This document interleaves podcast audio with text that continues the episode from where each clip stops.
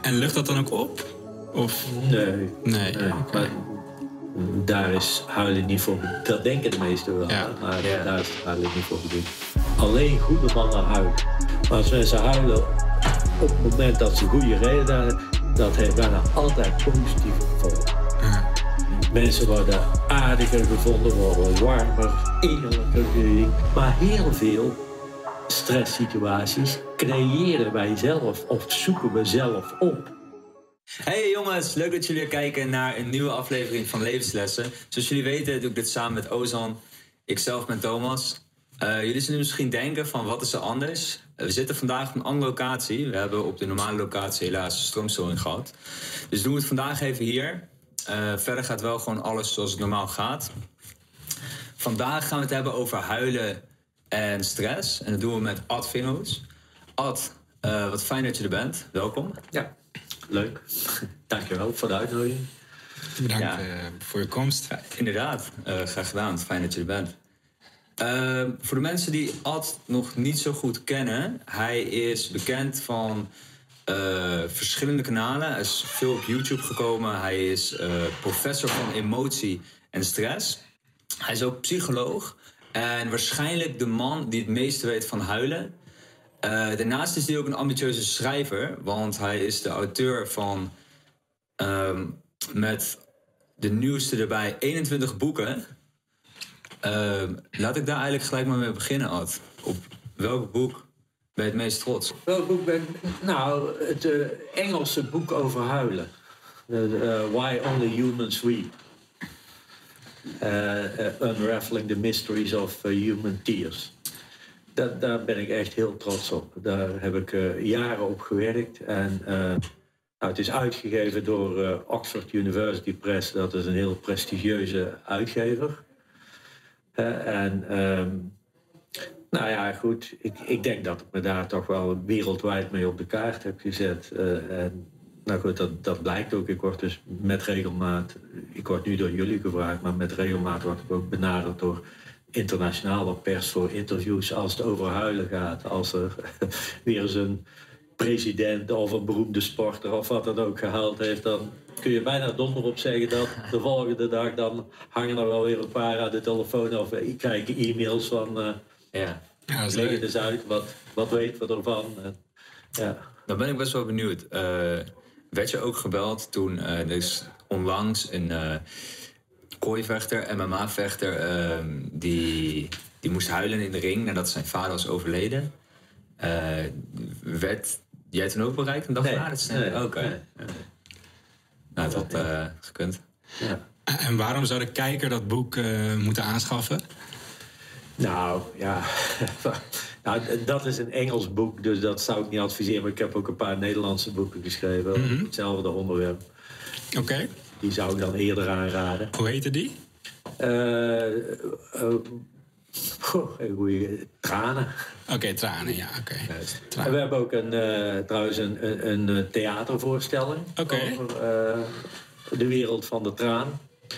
Dat doe ik samen met een, eh, eh, een singer-songwriter die een paar prachtige liedjes zijn er genoeg natuurlijk over huilen en tranen, daar zingt hij een paar van.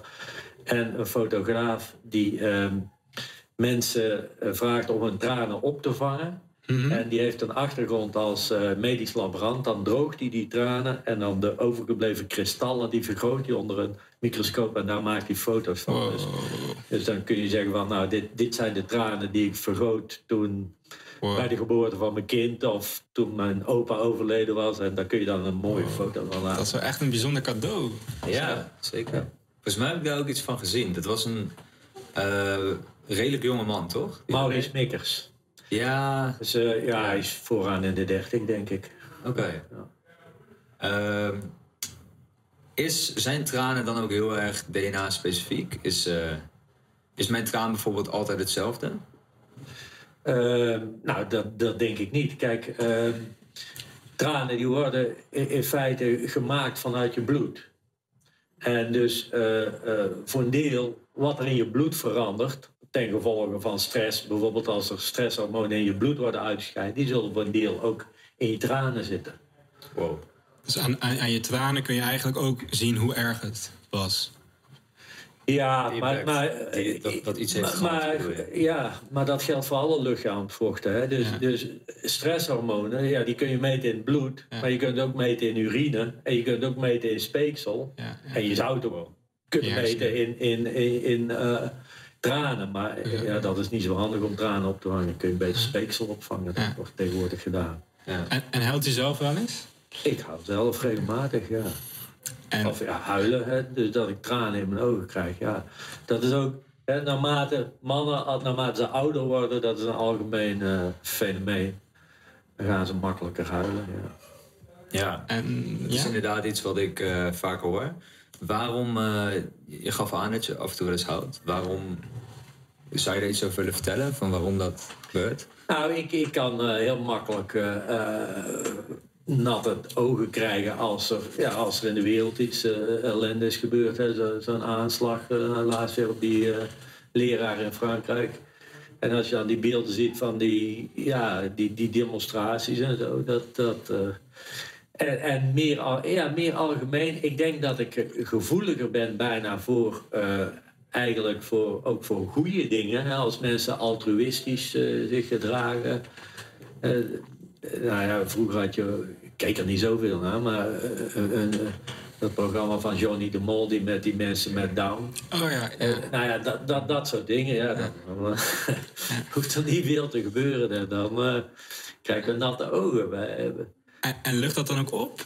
Of Nee, nee? nee oké. maar daar is huilen niet voor bedoeld. Dat denken de meesten wel, Ja. maar Ja. daar is het huilen niet voor bedoeld. Niet voor bedoeld. Maar, maar dat is misschien wel iets interessants wat eh, veel mensen niet weten. Ik heb je horen zeggen dat 50% van de mensen zich niet opgelucht voelt na het huilen. Ja. Dat verbaasde mij persoonlijk enorm. Maar Ik weet ja, niet. maar Ja. ja. Hoe zit dat dan precies? Nou, kijk, wij hebben eh, dus inderdaad, er is dus algemeen het idee, tenminste 70 tot 80 procent van de mensen die bevindt dat, dat huilen oplucht. Oké. Maar, dus wij hebben een onder een groot onderzoek gedaan van, nou, probeer nou eens de laatste keer dat je gehuild hebt, probeer dat in herinnering te nemen. Hè. Wat gebeurde er, wie was erbij, tot zelfs hoe laat was het, et cetera. hè.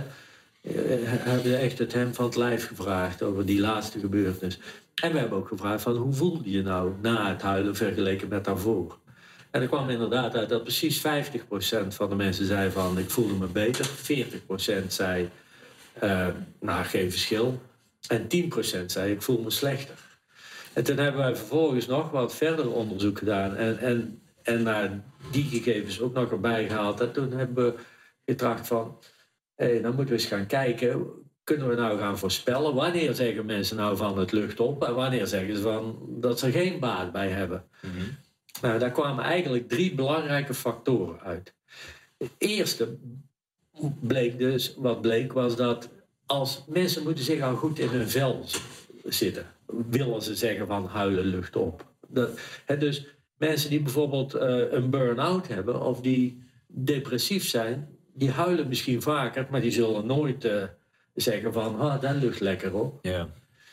Dat is één ding. Het tweede is de specifieke aanleiding om te gaan huilen. En daar hebben wij een globaal onderscheid gemaakt dus tussen ehm, ja, wat we noemen controleerbare situaties. En dus bijvoorbeeld een conflict situatie, dat je nog een beetje invloed kunt uitoefenen op die situatie.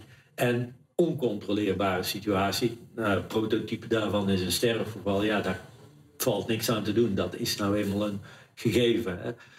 En dan blijkt dus dat vooral in die oncontroleerbare situatie dat mensen zich slechter, of eh, ja, dan voelen ze zich slechter.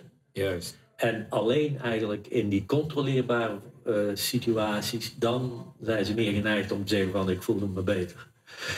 En de derde factor die van belang is, eh, dat is simpelweg hoe anderen reageren op jouw huilen. Waar? Als, als jij huilt en eh, die zeggen, oh, kom maar, ik zal jou troosten en ik zal je helpen, ja, dan voel je je beter. Ja. Maar als die je gaan uitlachen of, of eh, die worden boos en, en je schaamt jezelf, eh, nou ja, dan weinig opluchting hoor. Dat, Ja. en dus je kunt je afvragen, in hoeverre is het feit hoe mensen zich voelen na het huilen, dat heeft wellicht niet zozeer met het huilen zelf te maken, maar eerder met hoe mensen in je omgeving daarop reageren. Ja, interessant. Ja, interessant. interessant. Klinkt ook best wel logisch. Zeg, als ik, als ik huil en iedereen, eh, of iemand die wordt boos, ja, zal ik me inderdaad eerder slecht voelen of misschien wat ermee stoppen. Ja, ja. Ja, het is sowieso erg fijn als mensen je snappen. Weet je? Als mensen snappen je huilt. Ja. Maar dat, dat komt steeds uit al onze onderzoeken. Hè. Wel, Bij huilen, het gaat over... Huilen is vooral communicatie. En een, een signaal naar anderen. En, en het beïnvloedt het gedrag van anderen. En het eh, zorgt voor verbinding tussen personen. Daar gaat het om. Ja. En dat, eh, ja, dat is het oude verhaal van huilen lucht op. Dat, Klopt niet. Nee. Kijk, wij hebben ook nog een onderzoek gedaan waarin we dus een, een vrij grote groep van meer dan 450 mensen die al jaren niet gehuild hadden. Die hebben we vergeleken met een groep van zeg maar normale huilers. Aha. En als je dan kijkt naar, voelen die zich beter, die normale huilers? Nee, voelen zich geen verschil wat dat betreft. Maar waar de verschillen wel zitten, is dat de mensen die normaal huilen, die zeggen van, eh, die zijn meer empathisch. Die voelen zich meer verbonden met anderen. Ja. En die krijgen meer sociale steun van anderen. Dus, dus Wow, ja, dat- is waar het om gaat. Dat, dat zijn wel allemaal positieve factors. Ja, ja. Ik, ik zou me kunnen voorstellen dat is iemand die dan eh, wel gewoon normaal huilt af en toe. eh, ten opzichte van iemand die nooit huilt, zich dan toch gelukkig voelt. Want als jij meer sociale steun voelt. En, Via die weg, via die weg wel, ja. ja. ja. ja. En je moet niet alleen zijn. ja. Je moet niet alleen gaan huilen. Want dan... Nee, maar dat, ja, inderdaad, dat, dat gebeurt misschien ook minder vaak. Ja, ja eh, dat is het. Wij, hebben, ja, dat zijn niet hele goede kwaliteitsgegevens, maar we hebben wel data van mensen die dus zeggen dat ze eenzaam zijn. En die zouden denk- denken van, nou, die hebben dus reden om meer te huilen, maar die doen het juist minder. En, en er zijn ook een aantal onderzoeken, dat, op zich heel grappig, onder studenten, waaruit blijkt dus dat eh, eh, als ze single zijn, dat ze veel minder huilen dan wanneer ze een vriendje hebben. Oh, dat, oh, dat herken ik wel. Dat, dat, dat, dat kan aan verschillende dingen liggen, maar één reden zou ook kunnen zijn van, eh, toch van, het is communicatie, dus je moet iemand hebben om tegen te huilen. Ja. En dan, ja, wat dat alleen betreft, je moet je wel bedenken, hoe alleen is alleen? Want zelfs als er een huisdier is, daar kun je mee huilen. Maar sommige Wow. mensen die gelovig zijn, die kunnen ook met God of eventueel een overleden persoon Ja, of zo. Hè? zo. Dus er zijn ook, laat ik zeggen, symbolische, ja, wij noemen dat met technische termen gehechtheidsfiguren. Dus belangrijke figuren in je leven waar je Ja. mee kunt communiceren. En, en vroeger werd dat dus heel veel gedaan, hè? met bidden. Werd ook aanbevolen, hè? als je met je gebeden echt iets wou bereiken, dan moest je ook tegelijkertijd huilen. Want dan zou je veel meer indruk maken op, eh, op God. En dan die kans laat je echt die emotie zien. Ja, van, ja, je bent ja, er gewoon ja, 100% in ja, het moment. ja. Merk je dan ook, daar ben ik best wel benieuwd. Merk je dan ook verschil in mensen die gelovig zijn of niet? Of ze vaker huilen of dat het vaker oplucht? Ja, dat, dat hebben we nooit onderzocht, dus dat, eh, dat weet ik niet. En wat denk je? Ja, nou, ik denk eigenlijk van niet. Maar Oké. goed, weet Ja. het niet. Dat is echt interessant. Ik, eh, ik zou zelf wel benieuwd naar zijn. Ja, er zijn nog zoveel dingen. Ja, heel veel. Ja. Is er ook iets waarvan jij zegt binnen het huilen... ehm, dat weten we nog niet, maar dat zou ik wel echt willen weten. Dat vind ik wel... Ja, ehm, ik, ik ben vooral nieuwsgierig naar eh, toch wat er in de hersenen gebeurt. En eh, nou ja, wat ook nog niet helemaal een uitgemaakte zaak is. eh, hu- huilen we nou ooit om positieve redenen o- of niet? Kijk, ogenschijnlijk wel. Hè? Eh, Iedereen die kent dat, je kunt huilen van geluk. Maar er zijn mensen die daar toch een, een kanttekening bij plaatsen. Hè. De, die, die halen bijvoorbeeld eh, zoiets aan als wat Ankie Vergreusven overkwam. de paardrijster, weet je. Ja, Ja. ja. Die, die eh, gouden medaille won op de Olympische Spelen. En die moest toen ontzettend huilen. Ja. En toen vroeg een journalist van, huil je nou van verdriet? En of van eh, geluk? Aha. En zei ze, nee, ik huilde omdat mijn vader twee maanden geleden of zo overleden is. Wow. En dat hij dit niet meer mee kon maken. Ja. En dat zie je toch wel heel vaak hoor. Dat ogenschijnlijk huilen mensen om iets positiefs, maar dat, dat er toch iets negatiefs achter zit. Hè? Dus ook bij je weerzien. Ja, je kunt zeggen, ik hou niet vanwege het weerzien, maar eigenlijk om al die tijd dat ik jou gemist heb. Ja. En, en daar kom je echt wel een heel eind. En eh, ja, dat, dat is wel een interessante discussie. En daarnaast zijn er ook nog anderen die zeggen van... Kijk, bij huilen, eh, dat, dat moet je realiseren. Bijna iedereen, het eerste wat, ze, wat, mensen noemen, dat is verdriet. Maar onze centraal uitgangspunt en hypothese is van... Huilen, dat doen we als we ons machteloos voelen. En uiteraard, als, als we verdrietig zijn, dan voelen we ons ook vaak machteloos. Maar je ziet bijvoorbeeld bij vrouwen, die huilen ook vaak als ze, die hebben een machteloze woede in Ja. conflicten. Hè? En dan huilen ze ook vaak. Maar dat is dus de machteloosheid gekoppeld aan, aan woede. Is dat dan omdat ze bijvoorbeeld ruzie hebben met eh, hun relatie en dat die Ja. vaak fysiek sterker is? Ja, ja dat, dat- maar, maar ook, kijk, want dat is. ja, we gaan nou wat heen en weer. Maar als je kijkt naar het verschil tussen mannen en vrouwen. Volwassen vrouwen die huilen veel vaker dan volwassen mannen. Maar als je nou kijkt naar de echt sterke uitlokkers van huilen. Dat zijn er drie. En dat is dus liefdesverdriet, heimwee en rouw. Dan zijn die verschillen tussen mannen en vrouwen niet zo groot. Maar die verschillen tussen mannen en vrouwen, die worden vooral, eh, die zijn vooral het resultaat van het huilen door vrouwen om die kleinere alledaagse dingen. Een, een computer die crasht, een, een auto die niet start, eh, eh, een inbraak of nou ja, iets wat niet lukt. Ja, en ruzie met de partner of, of zo. En en dan, gaan, ja, dan gaan mannen vloeken en vrouwen gaan huilen. heel, heel kort de bocht. Ja, uh-huh. ja, maar er zit misschien wel, zit denk ik wel een kern van waar, waarheid in dat vrouwen iets, over het algemeen iets emotioneler zijn. Zeg maar zeker niet alle, maar. ehm, en dat het daardoor dus doorkomt. Nou ja, kijk, als je vraagt naar de verklaring waarom vrouwen meer huilen dan mannen, er zijn eigenlijk vier factoren van belang. De eerste, wat vaak over het hoofd gezien wordt, dat is simpelweg de blootstelling aan emotionele situaties. Dat, kijk naar het soort beroep wat mannen. Er zijn toch steeds nog meer vrouwen die werken in de gezondheidszorg. En dan is de kans dat je met emotionele situaties in aanraking komt toch groter dan wanneer je in de bouw of in de IT werkt. Ja. Maar ook eh, het soort films wat, wat vrouwen. Ik, ik zeg altijd maar zo: als eh, de vrouw thuis blijft om naar een soap te kijken en ze moet daar huilen, die elke week komt. En uh, man lief die gaat naar het voetballen of die gaat achter de computer zitten, dan heb je bijna het verschil in, in huilen al verklaard. Dat is niet het enige, maar het is wel belangrijk. Hè? Dus, dus uh, ja, het, het soort boeken wat vrouwen lezen, vrouwen zijn veel minder bang van emoties dan mannen. Hè? Dus dat is het eigenlijk. Het is niet zozeer dat vrouwen emotioneler zijn, het is meer mannen die, die willen. Die vermijden echte emoties. Ik ken mannen die, die nooit naar een begrafenis gaan. Ik, ik ken laatst ook een man, er was een vriend van hem, die, die lag op sterven.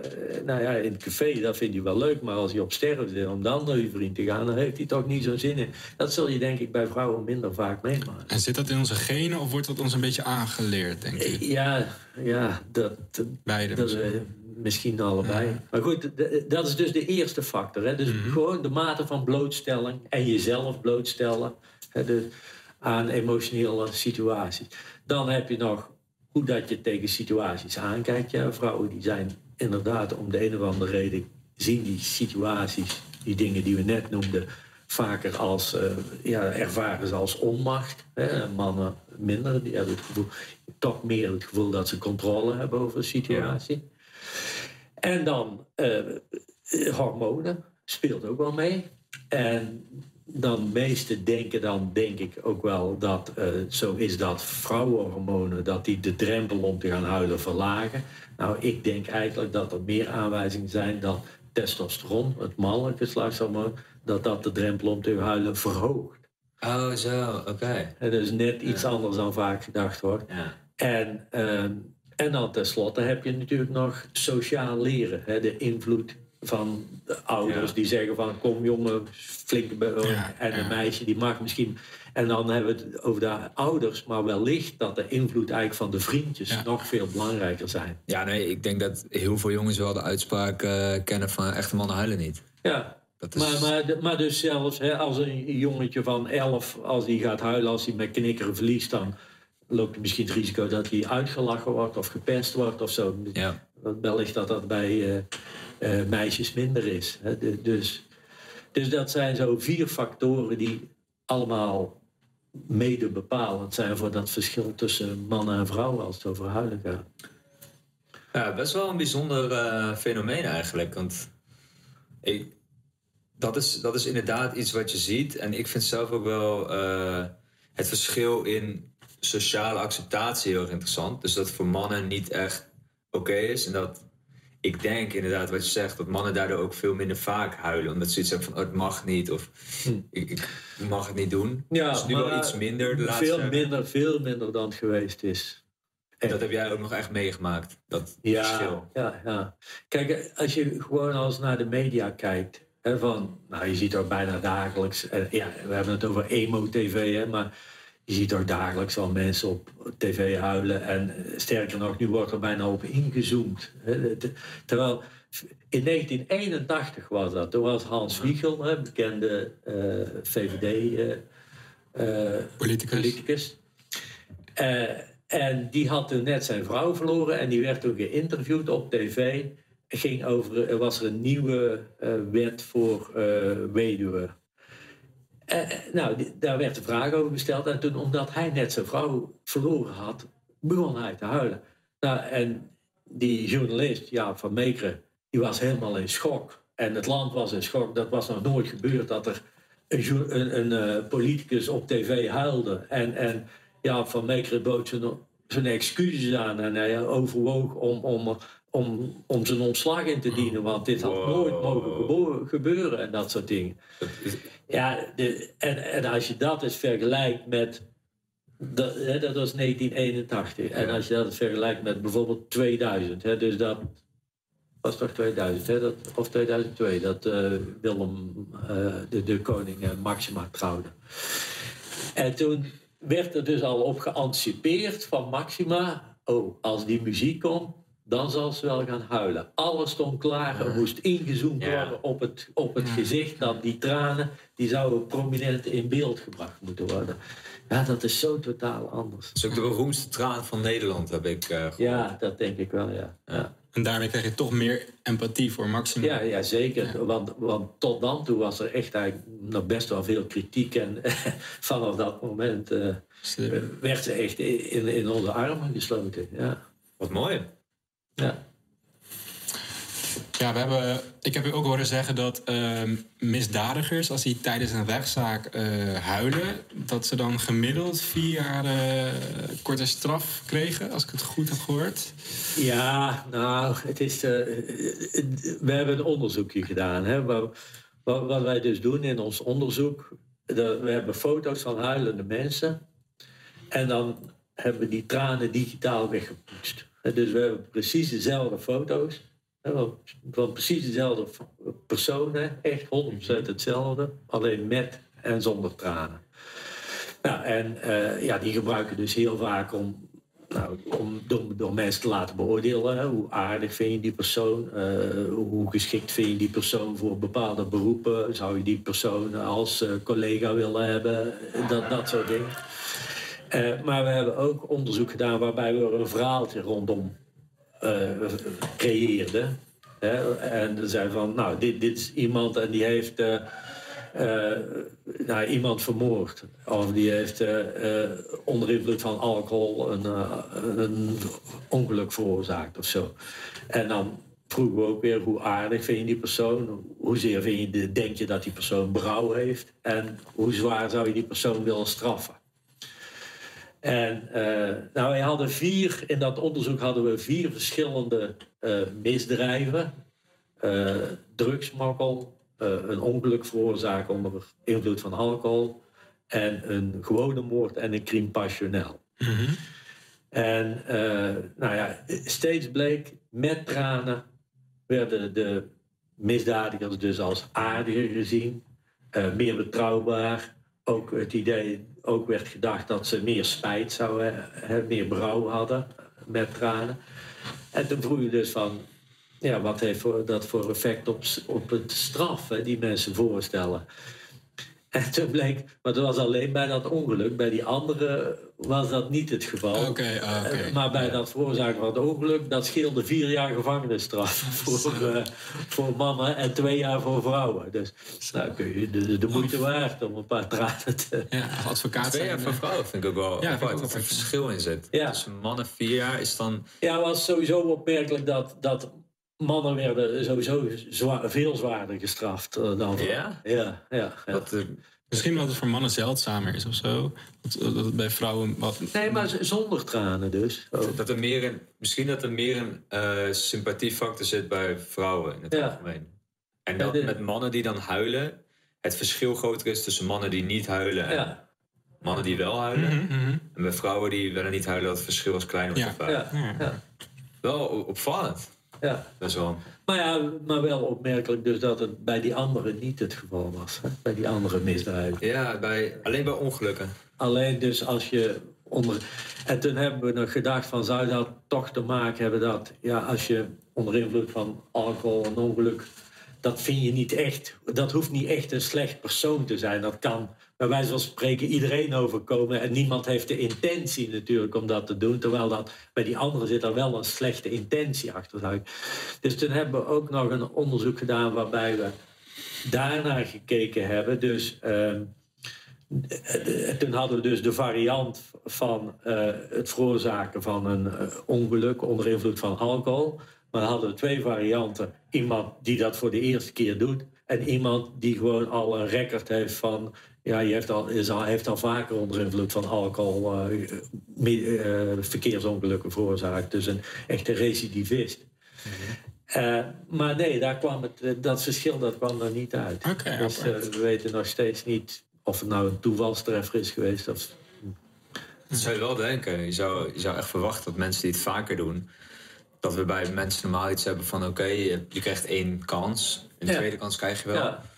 Van dan ga je dan uit het van het goede, hè? dan ga je uit van het goede, een beetje pech. eh. Ja, ja, precies. Maar als het dan een tweede keer gebeurt van... oh, dit, het is geen toeval, dan Ja, is het echt ja, een probleem. Ja, ja, ja. Maar dat is dus niet zo. Nee, dat kwam er niet uit. nee. Apart. Ehm, dan wil ik het even hebben over van... bij huilen. Eh, je hebt al verteld, het is een teken van machteloosheid.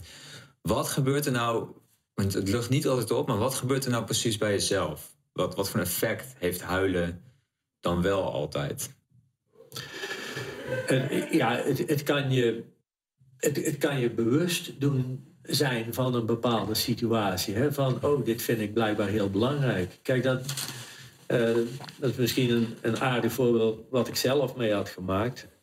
Wat mij ook erg stimuleerde om, om onderzoek hiernaar te gaan doen. Ik zat op, op, op een avond gewoon, was een beetje moe en, en wat te zeppen. En ik kwam op een film, zo'n zo'n echte, ja, dat noemen we dan hier in Nederland een B-film. En maar- wa- Welke was het? eh, ja, ik, ik weet niet meer. Maar het ging in ieder geval, de titel ben ik nou even kwijt. Maar het ging over een, een eh, het was een waar gebeurd dus. Uh-huh. Een eh, meisje, teenager, die kanker had. Amerikaanse Ja. film. En ehm, die lag in het ziekenhuis dus. Omdat ze, en haar vader mocht van zijn eh, werkgever niet op bezoek gaan. Anders zou hij ontslagen worden. En eh, toen zei dat Oh, meisje... zo, oké. Ja. Eh, En toen zei dat meisje van, eh, daar heb je zo'n Make Me Wish eh, Foundation. Ja, ja, make a wish. En eh, die zei van, ik wil de president zien en ik wil het hierover hebben. En dat werd toen geregeld. En dan zie je in die film zie je een scène dat eh, Bill Clinton was dat. Die speelde zichzelf in die film.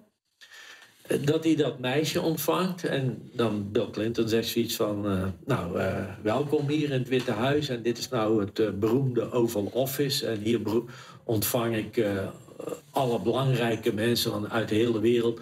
Maar de allerbelangrijkste, dat ben jij. God, en op dat moment begin ik met 80 jaar.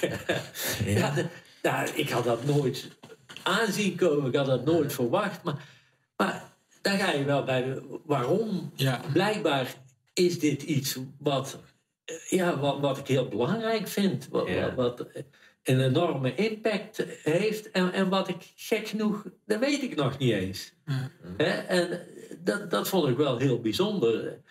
dus ik, ik ben nu ook zover dat die ontroering, die, die zo plotseling op kan komen zetten. En dat is dan positief, bij positief gedrag. Hè? Maar we hebben eigenlijk een beetje hetzelfde ook met walging. Als, als het om, om een negatief gedrag, als iemand zich asociaal gedraagt, dan zeg je, gadverdamme, eh hoe kun je dat doen? Hè? Dat is ook een, een heel directe, onmiddellijke Ja. Heel is- primitief eigenlijk. Ja, heel, van, vanuit, ja, je zou bijna kunnen zeggen, vanuit de onderbuik. Hè? Ja.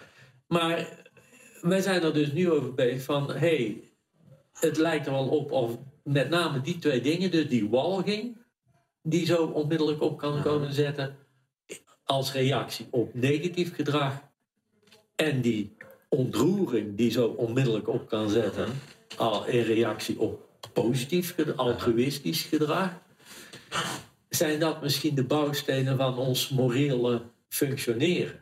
Wow. En dat, dat vind ik wel eh, heel, heel Ja. interessant.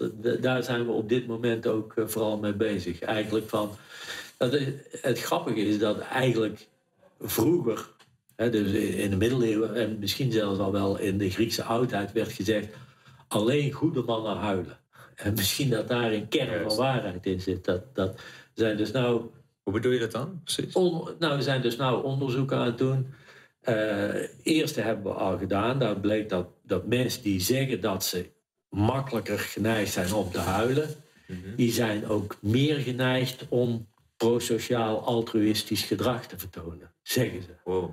En ze eh, zijn ook meer geneigd om eh, echt asociaal gedrag van anderen, omdat dat keuren ze sterker Ja. af. Eh, dus dat is wel interessant, maar dat is vooralsnog alleen eh, ja, wat we noemen zelfrapportage. hè, Van je kunt zoveel zeggen, maar is dat ook Ja. echt? Dat gaat En we nu zijn- onderzocht worden. En we zijn dus nu bezig. Ik hoop dat nu binnen een paar weken op te starten in Engeland een groot onderzoek. De- Daar gaan we dus echt kijken, is het dus zo dat mensen die zeggen dat ze meer geneigd zijn om te huilen, dat die ook bereid zijn om bijvoorbeeld nog extra een ontzettend saaie taak te doen, waar ze zelf niks mee kunnen verdienen, maar waar ze wel geld mee kunnen verdienen voor een eh, goed doel van hun keuze. Dus als, als ze dat zouden vinden, dat zou wel spectaculair zijn.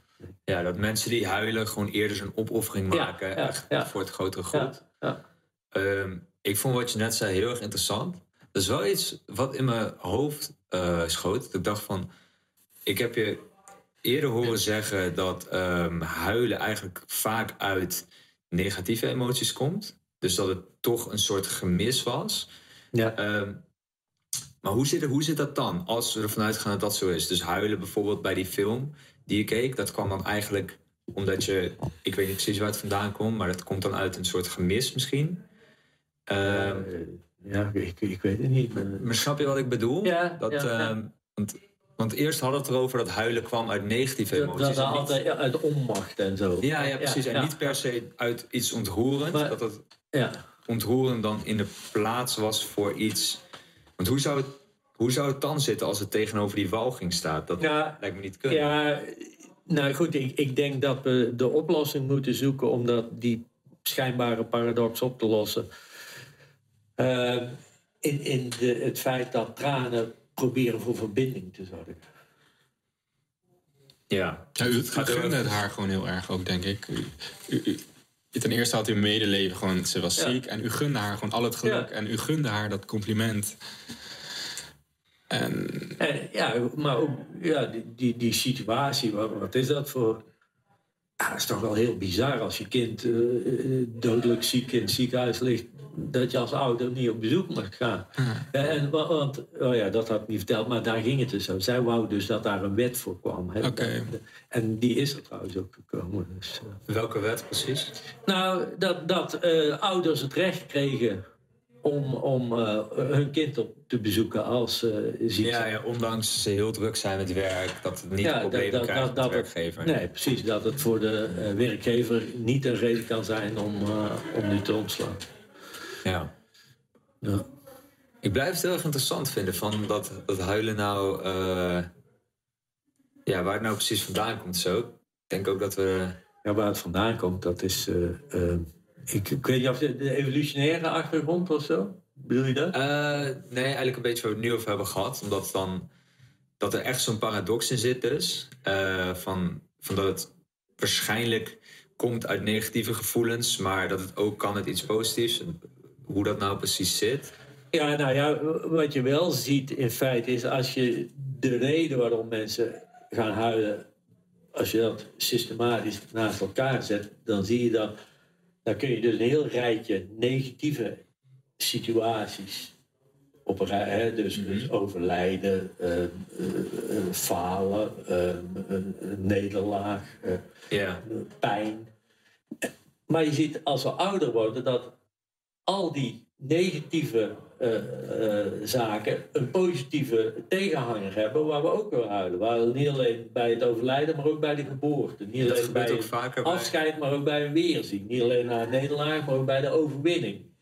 Dus dat, dat zit wel nou op de een of andere manier aan elkaar gekoppeld.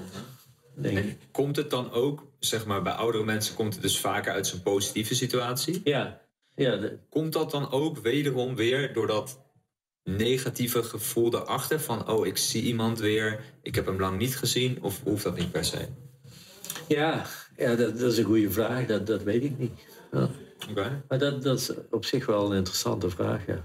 ja. Wellicht iets voor eh, toekomstig onderzoek. ja.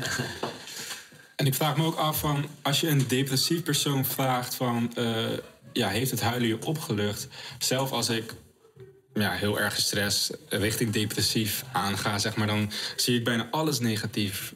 En, en, en als iemand me dan zou vragen, eh, ja, zou huilen opluchten, dan, dan neig ik sowieso naar nee. Maar dan neig ik, neig ik bijna naar, ja, zou ik bijna elke vraag wel negatief beantwoorden. Ik heb er nergens zin in en... eh, speel- is er dan geen verschil tussen wat ze zeggen en Hoe het feitelijk is. ja, Ja, ja dat, dat zou in theorie kunnen. Eh, maar het, het- er zijn ook aanwijzingen, maar dat is allemaal nog heel vaag.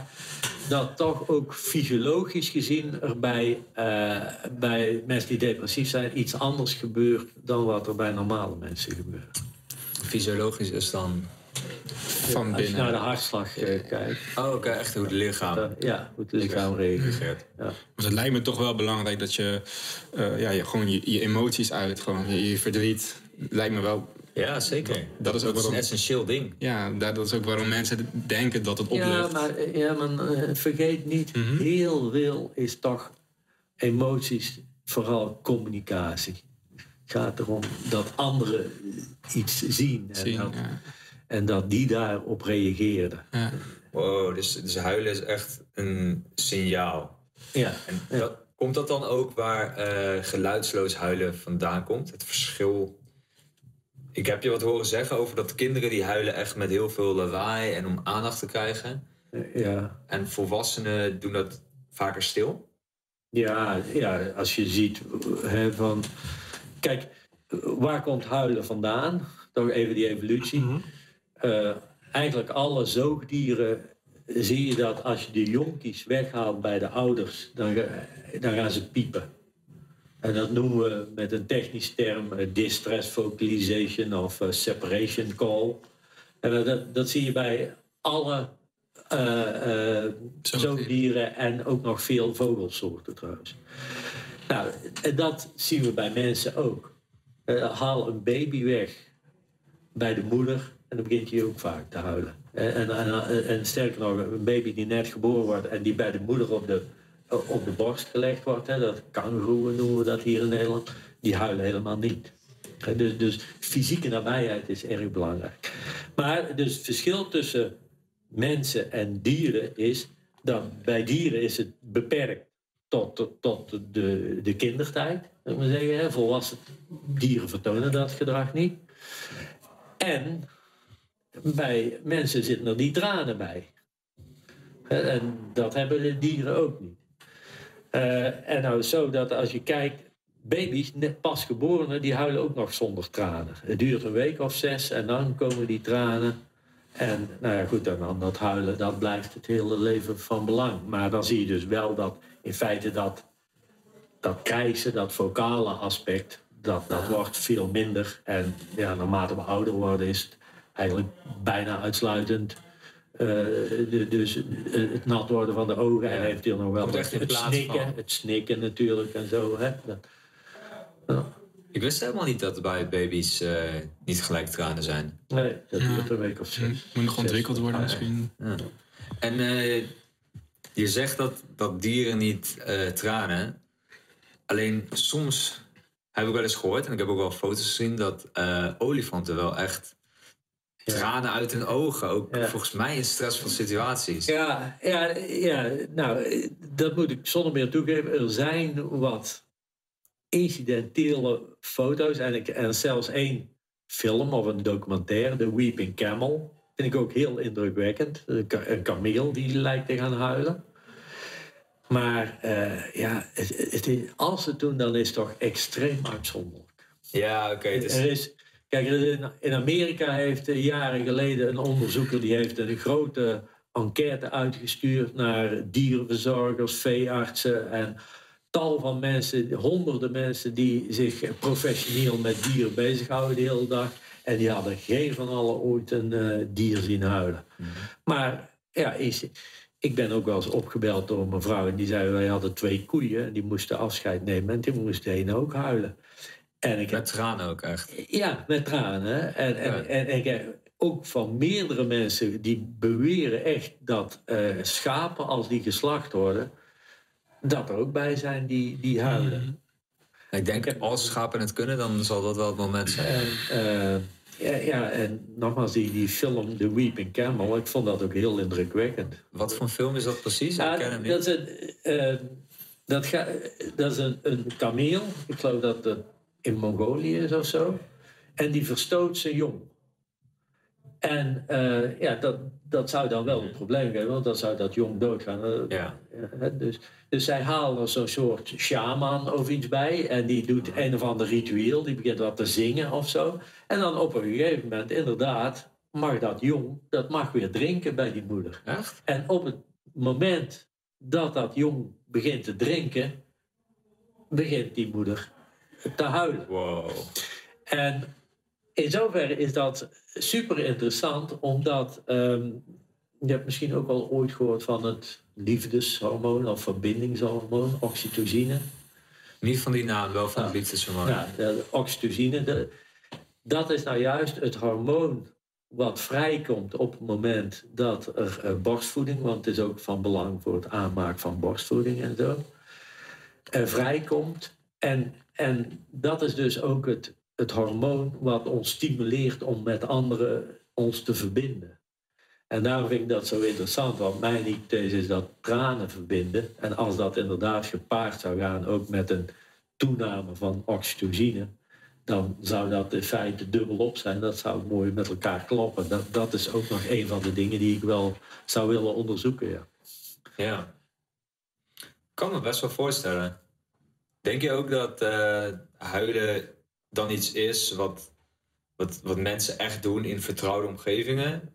Ja, als je kijkt, dat is op zich heel grappig. Wij hebben dus in dat. dus een, een heel groot onderzoek wereldwijd. We hebben 5500 mensen in 37 landen aan meegedaan. Aardig onderzoek. En hebben dus eh, de laatste keer dat je gehuild hebt, hè, wat ik straks al vertelde. En, en we hebben dus ook gevraagd van, van hoe laat was het en waar was je en wie was erbij. En wat je dan ziet, is dat onze toptijd om te huilen, zal ik maar zeggen, is tussen 6 en 10 uur s'avonds. Als we thuis zijn, Ja. of alleen, of met onze partner of onze moeder. Juist. En, en je ziet dus vanaf, in feite, als je kijkt naar die curve van hoe laat het, vanaf vier uur s'nachts, zie je die zo langzaam oplopen tot een uur of elf s'avonds. Heeft vermoeidheid er dan misschien ook mee te maken? Zal ongetwijfeld meespelen, maar ook dus dat, je, je, dat er geen vreemden bij zijn, dat je je veilig voelt thuis. En dat moeten we ook niet vergeten. eh, dat is misschien ook wel het moment dat je conflicten hebt met je partner of met je kinderen. En, en wat wij ook zagen is eh, ja, wat we noemen uitgesteld huilen. En van er is een, iets op het werk ge- gebeurt er en dan hou je je in en dan kom je thuis en dan bespreek je dat met je vrouw of met je, en dan komen de tranen. Maar we zagen het ook, dat is ook nog iets, gewoon muziek en films. Ja, want we, hadden ook, we hebben ook nog een onderzoek gedaan naar specifiek eh, huilen ten gevolge van muziek. En daar zagen we eigenlijk bijna dezelfde curve. Dus je ziet ook, eh, ja, als je thuis bent, dat is natuurlijk de het moment dat je naar leuke muziek luistert. Of dat je een spannende Oh, dat hangt of een samen, ontroerende zeg film opzet. Op- Ja, dat, ge- dat is een beetje hetzelfde patroon, vind je dan. Uh-huh. Dus dat mensen zeg maar eh, emotioneel zijn of gaan huilen, dat, dat hangt ongeveer hetzelfde als mensen emotionele dingen of naar emotionele muziek gaan luisteren. Dus Ja. weten we niet precies of dat een factor is. Ja, ja. Oké. En u heeft ook gekeken naar vrolijke muziek en meer, meer eh, sad music, zeg maar. Nee, maar wat we wel gevraagd hebben, dat vond ik op zich ook wel interessant. Van, eh, eh, nou ja, je zou zeggen van hedonisten als we zijn, als je een beetje somber voelt en je mag kiezen tussen muziek, wat voor muziek kies je dan? Dan zou je verwachten, van, nou kies ik vrolijke muziek om zo snel mogelijk weer vrolijk te zijn. Maar dat is dus niet. Hè? De meerderheid, al- als mensen zich eh, eh, een beetje somber voelen, dan kiezen ze bij voorkeur voor verdrietige muziek. Muziek die bij die stemming Ja. past. Eerder dan, dan vrolijk. Daar zoek je denk ik ook een stukje verbinding. Want dan, je zoekt iemand die het Ja, ook, die het ook, het ook. Ja, Heeft ja, dat, dat, is inderdaad de verklaring. Hè? Van, van, je ziet dan misschien die muziek meer als een soort vriend. Ja, je bent niet alleen. Je bent niet alleen, ja. ja dat is En het. terwijl als jij je verdrietig voelt en je gaat eh, vrolijke muziek luisteren, dan, dan voel je misschien binnen van oké, dat klopt, Klopt niet helemaal. ik voel me niet ja, ja. gezien in, dit, in dat Ja. verdriet. Ja. Ik kan me voorstellen, ja. Ja. Maar ik vond het toch, ja, als je het dan vindt, dan lukt het wel weer om daar een verklaring voor te vinden. Maar in eerste instantie denk ik, hé, hey, dat is toch wel eh, opmerkelijk. Hè? Want, ik zou zeggen van, eh, nou ja, ik wil zo, zo snel mogelijk weer vrolijk zijn. Maar zo is Ja. het dus niet. Ehm, even het algemeen, vind jij dat mensen eh, vaak zo moeten huilen? Of dat ze genoeg huilen?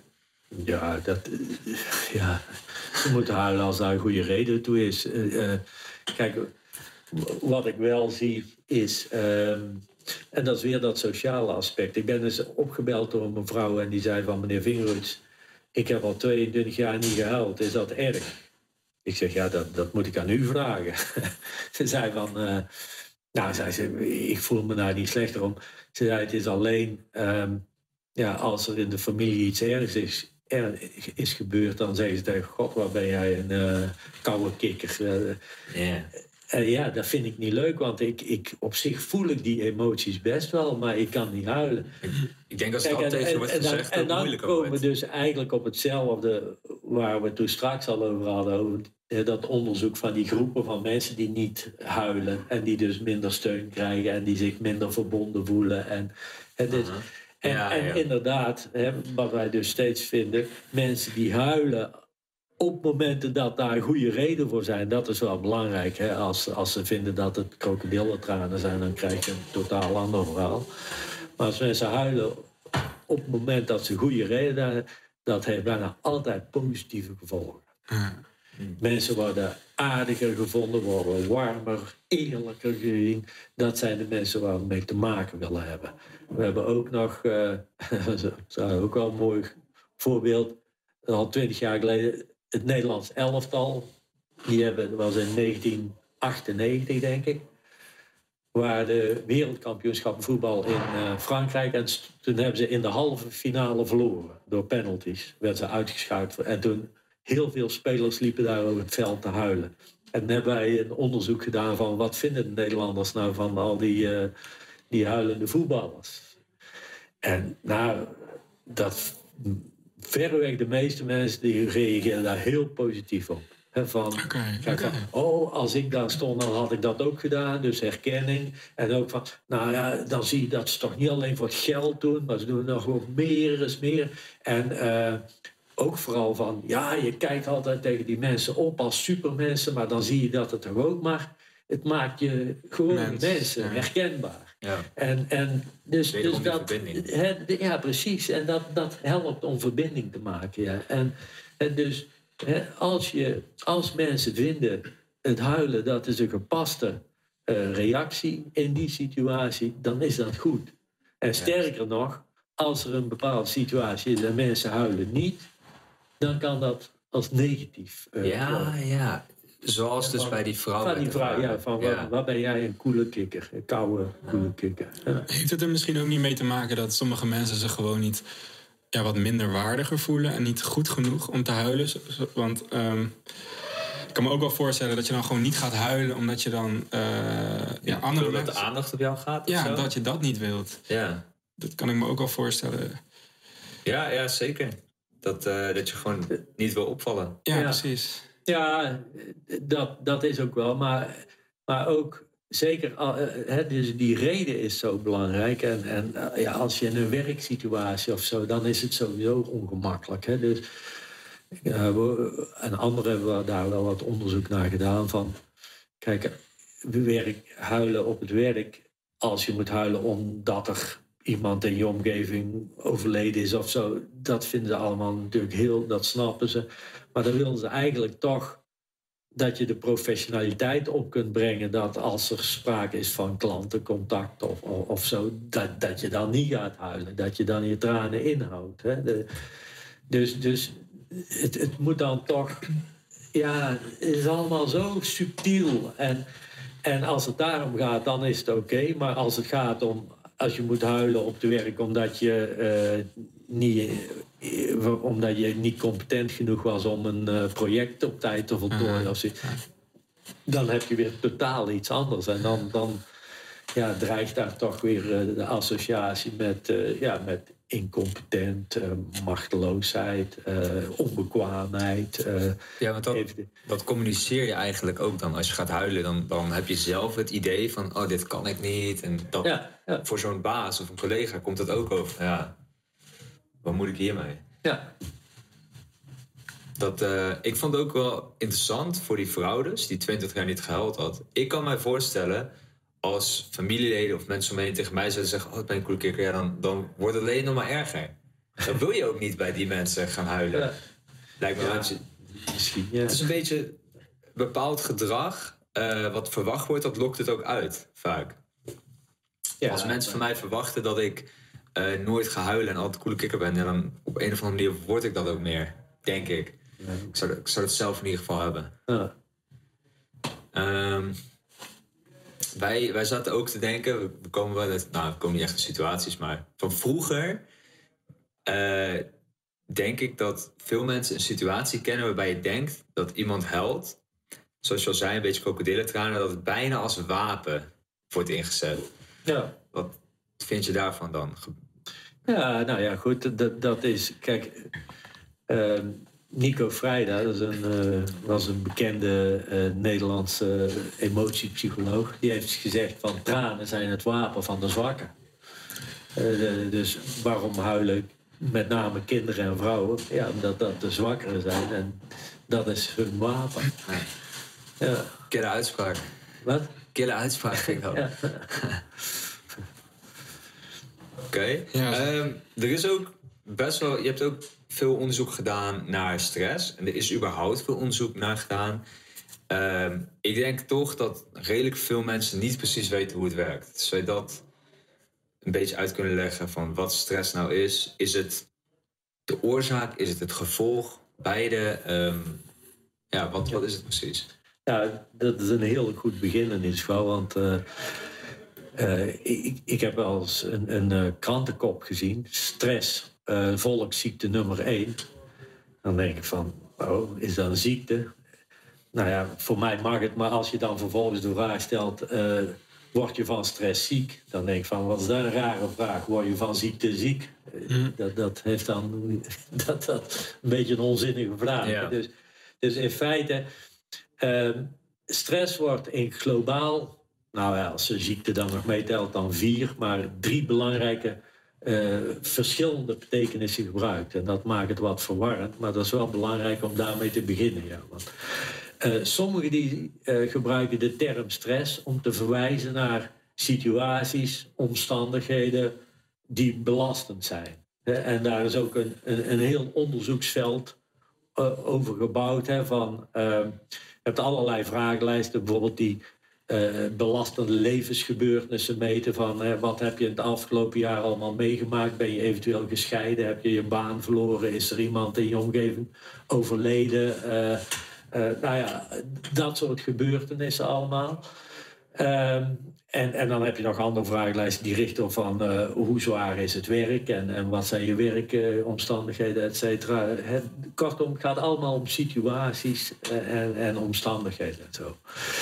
Nou, en anderzijds heb je mensen die, die zeggen van ja, stress, dat is voor mij eh, als ik me depri voel, of als- ik me gefrustreerd voel, of, of en dan weer anderen die zeggen van eh, stress is als ik eh knikkende knieën heb, of, of, of als ik bibberende, eh, ja, of bibberende knieën, of als, als mijn oksels klonsen. Dat is meer het symptoom. Hè, dus inderdaad, dus een psychisch of lichamelijk symptoom. Ja.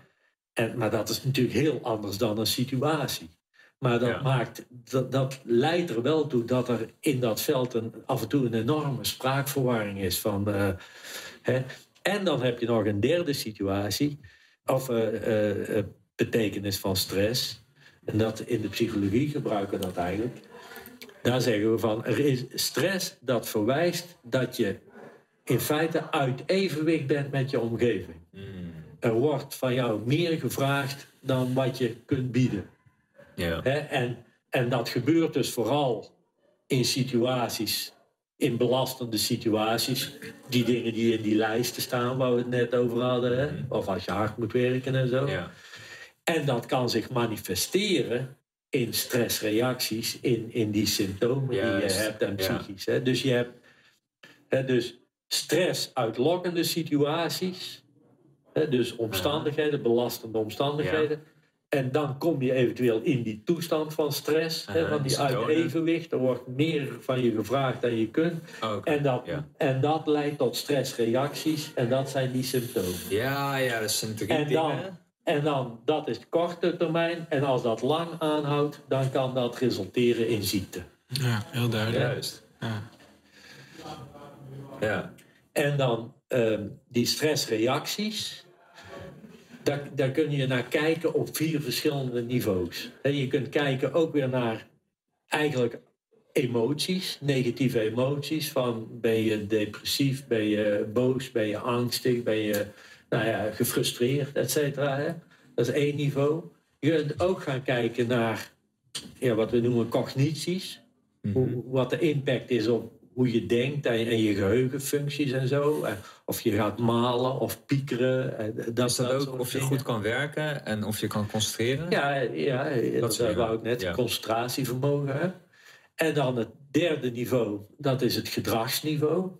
Wat voor gedrag ga je vertonen? Ga je eventueel meer roken of weer roken? Of, eh, of ga, ga je wegblijven Ah, van ja. je werk? Of word je agressief? Of Een beetje coping mechanisme. Ja, en dan het laatste niveau, dat is het lichamelijk niveau. Wat gebeurt er met je lichaam? En dan kijken we naar het eh, autonome zenuwstelsel, naar het eh, hormoonstelsel en naar het immuunsysteem. Juist. Bent u zelf vaak gestrest? Eh, nee, dat valt wel mee. En ik heb het idee naarmate je ouder wordt, dat je eigenlijk steeds meer relaxed wordt. Want, want, Oh, eh. U heeft geen, eh, geen telefoon begeven.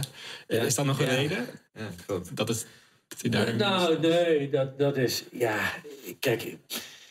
Ik, ik zit op mijn werk en dan had ik. Je kon me via de computer bellen en ik had daar nog een telefoon staan. Denk ik, ik heb al twee telefoons, moet daar nog een derde hebben. En thuis precies hetzelfde. Ik kan hem via de computer kun je me bereiken en ik heb een huistelefoon.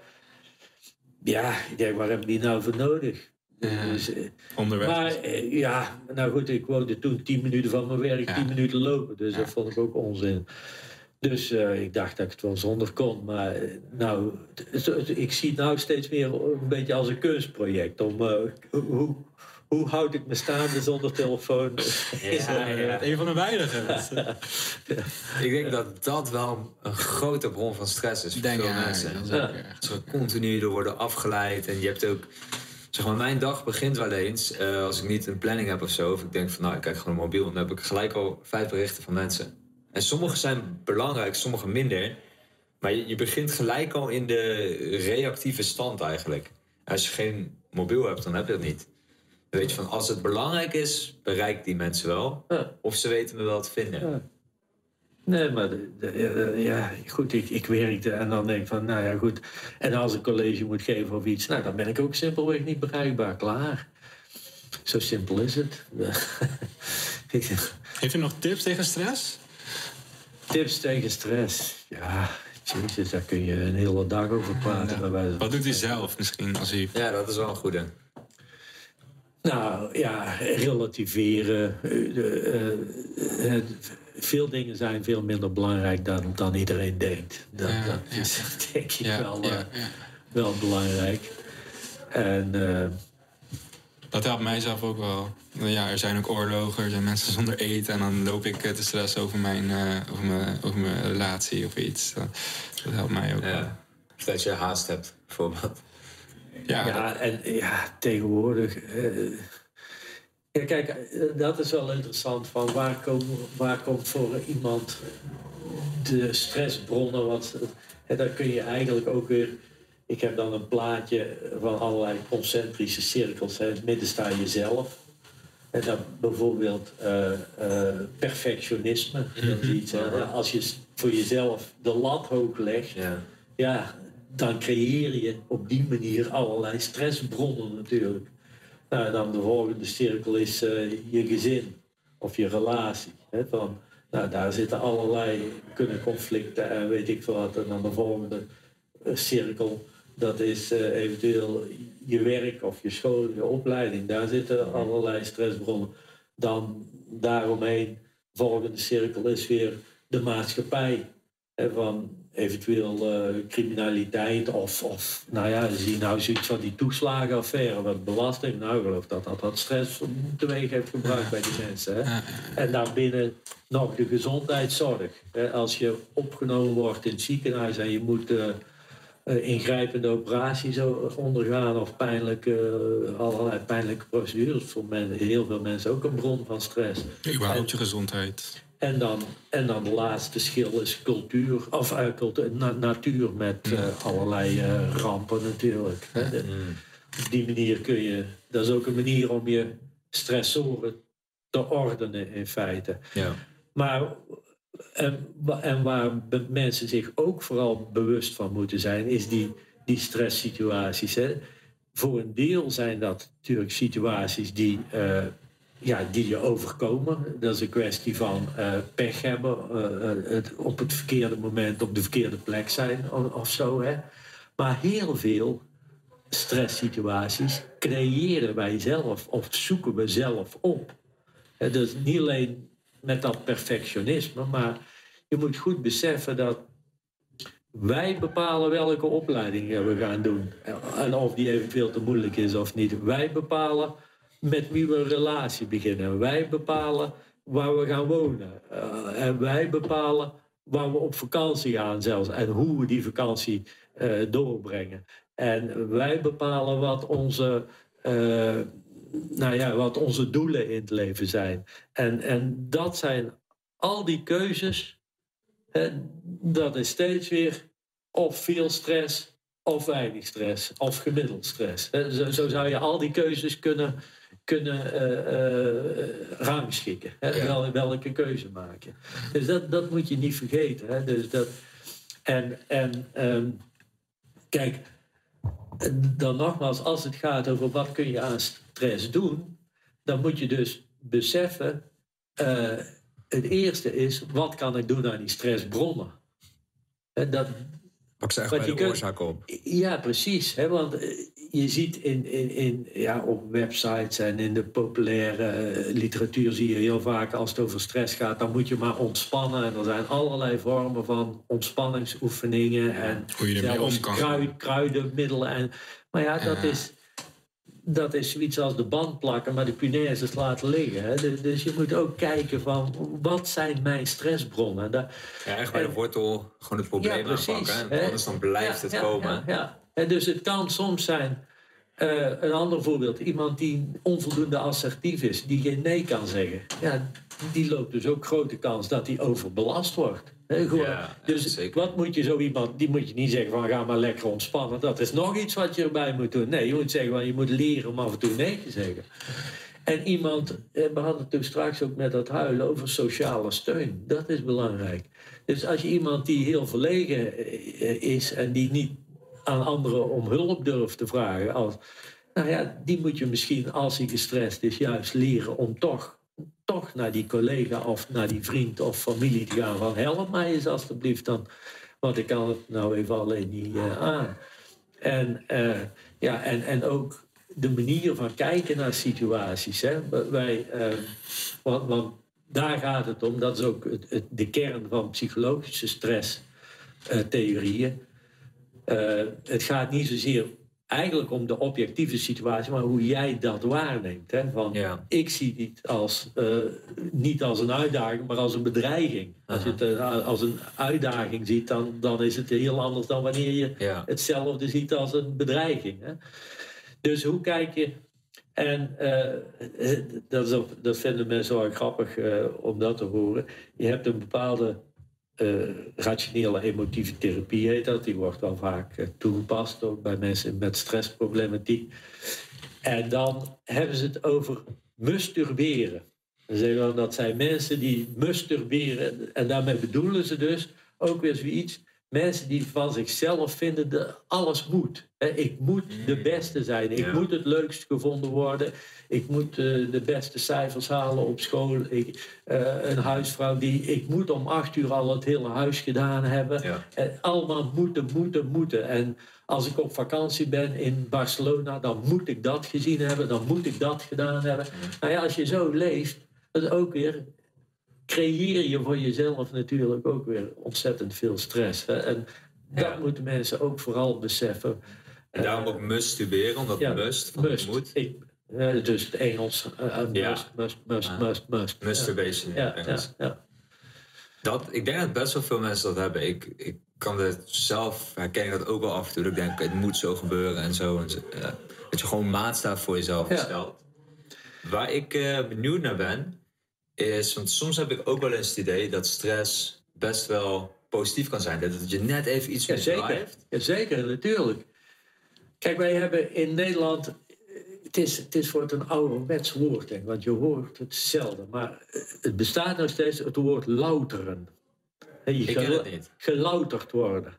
Hè, dus door eh, blootgesteld te worden aan situaties die eh, ja, uitdagend zijn, Aha. ontwikkel je Ja, eigenlijk van, meer. word je Daar sterker. groei je van, word je sterker. Ja, precies. Hè. En, en we hebben ook, dat is dan meer een technische term, maar dat is een beetje hetzelfde, stress-inoculatietheorie. En dat is eigenlijk een beetje hetzelfde model als een vaccinatie. Hè, Bij een vaccinatie maken we gebruik ook van een onschuldig een, eh, gemaakt virus om zodoende weerstand te ontwikkelen.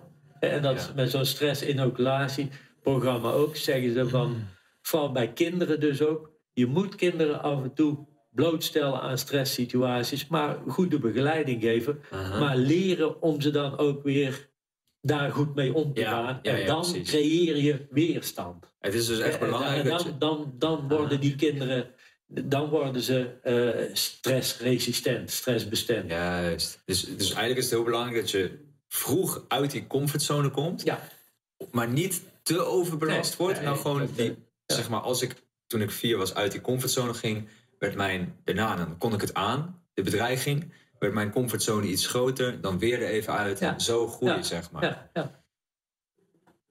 Gaaf. Ja, dat is wel. eh, dat klinkt eigenlijk heel erg logisch. Ja.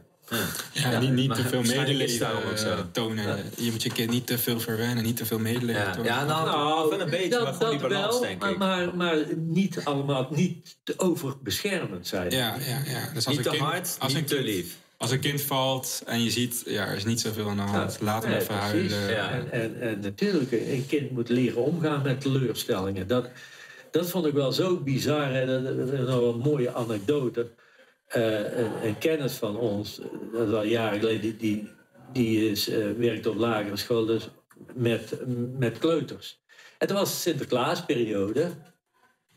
En toen was er enorme ruzie met de ouders. Want eh, wat was er aan de hand? Zij had gezegd van, nou, van mij mogen de kinderen elke dag een schoen zetten, maar ze zullen niet elke dag ook er iets in vinden. Nou, en de ouders waren ouders die vonden dat niet kunnen, want je mocht je kinderen nooit teleurstellen. Nee, Oh, ja, nou, daar gaat het, als je zo begint, dan gaat het dus echt helemaal mis. Hè? Ja, Je moet echt leren ook een kind omgaan, om te gaan met teleurstellingen. Is leven. Dat, dat hoort bij het leven. Eh, ja, maar ik vond dat zo'n bizar verhaal. Dat, dat gebeurt wel vaker, heb ik het idee. Ja. Dat ouders steeds liever worden en steeds meer... Ja, Want ja, honderd jaar geleden was het ook doodnormaal dat eh, je kinderen gewoon sloeg. ja. Super vaak. En ja, nu... Eh, En onderwijzers zelfs ook nog, hè? Ja, Corrigerende en ik vind, ik vind het goed dat dat weg is, maar ja, ik denk dat, dat soms, zeg maar, en dan ben Ja, ik al twintig jaar geleden opgegroeid. En nu is het waarschijnlijk nog weer liever geworden, dat het soms wel een beetje te lief wordt. En dan Ja. zie ik ook in de supermarkt van die kinderen die, die zijn acht jaar oud, die zijn hun ouders echt baas. Ja, Dat, dat- ja, apart. Ehm, dan, het is dus best wel goed om eh, een, een bepaalde manier van stress te hebben.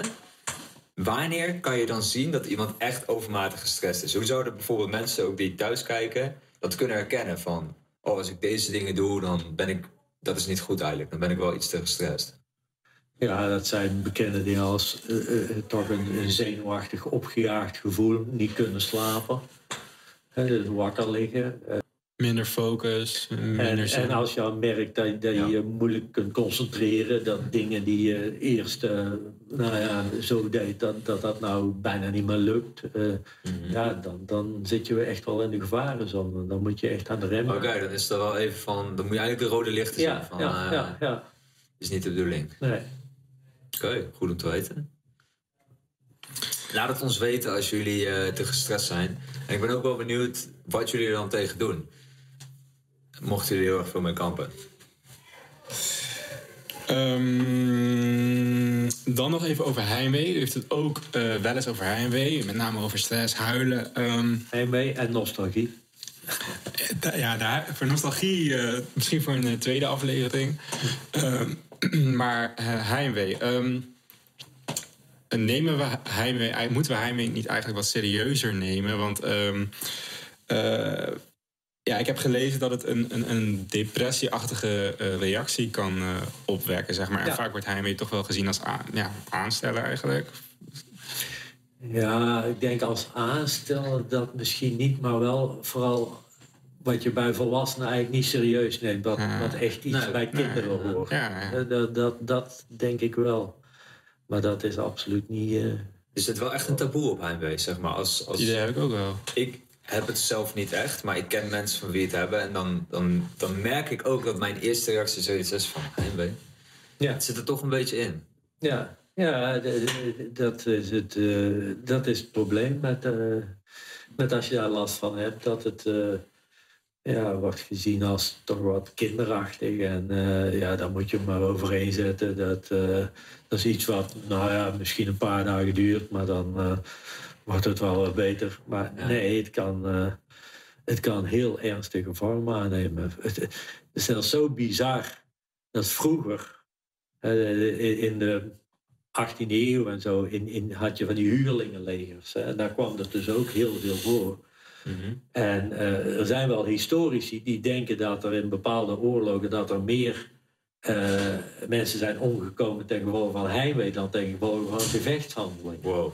Dat het, het, eh, het, ja, die mensen kunnen niet meer eten, kunnen niet meer slapen. Eh, eh, ja, dus eh, kunnen soms eh, extreme koorts ontwikkelen. Eh, eh, echt heel bizar. En je brengt ze terug naar huis en als bij toverslag is het ook. Heel wonderlijk. Helemaal oké. Ja. Maar eigenlijk is het ook heel erg iets moois. Want dat betekent wel dat die persoon enorm gehecht is aan zijn huis aan zijn omgeving. Ja. Ja, de- ja, ik, ik zeg altijd, ja, het zijn mensen die, eh, je zou kunnen zeggen, die verliefd zijn op een, eh, op een thuissituatie. Ja. Het is ja, vergelijkbaar met rouw of met liefdesverdriet. Dat, eh, ja. Minder goed om kunnen gaan met misschien verandering.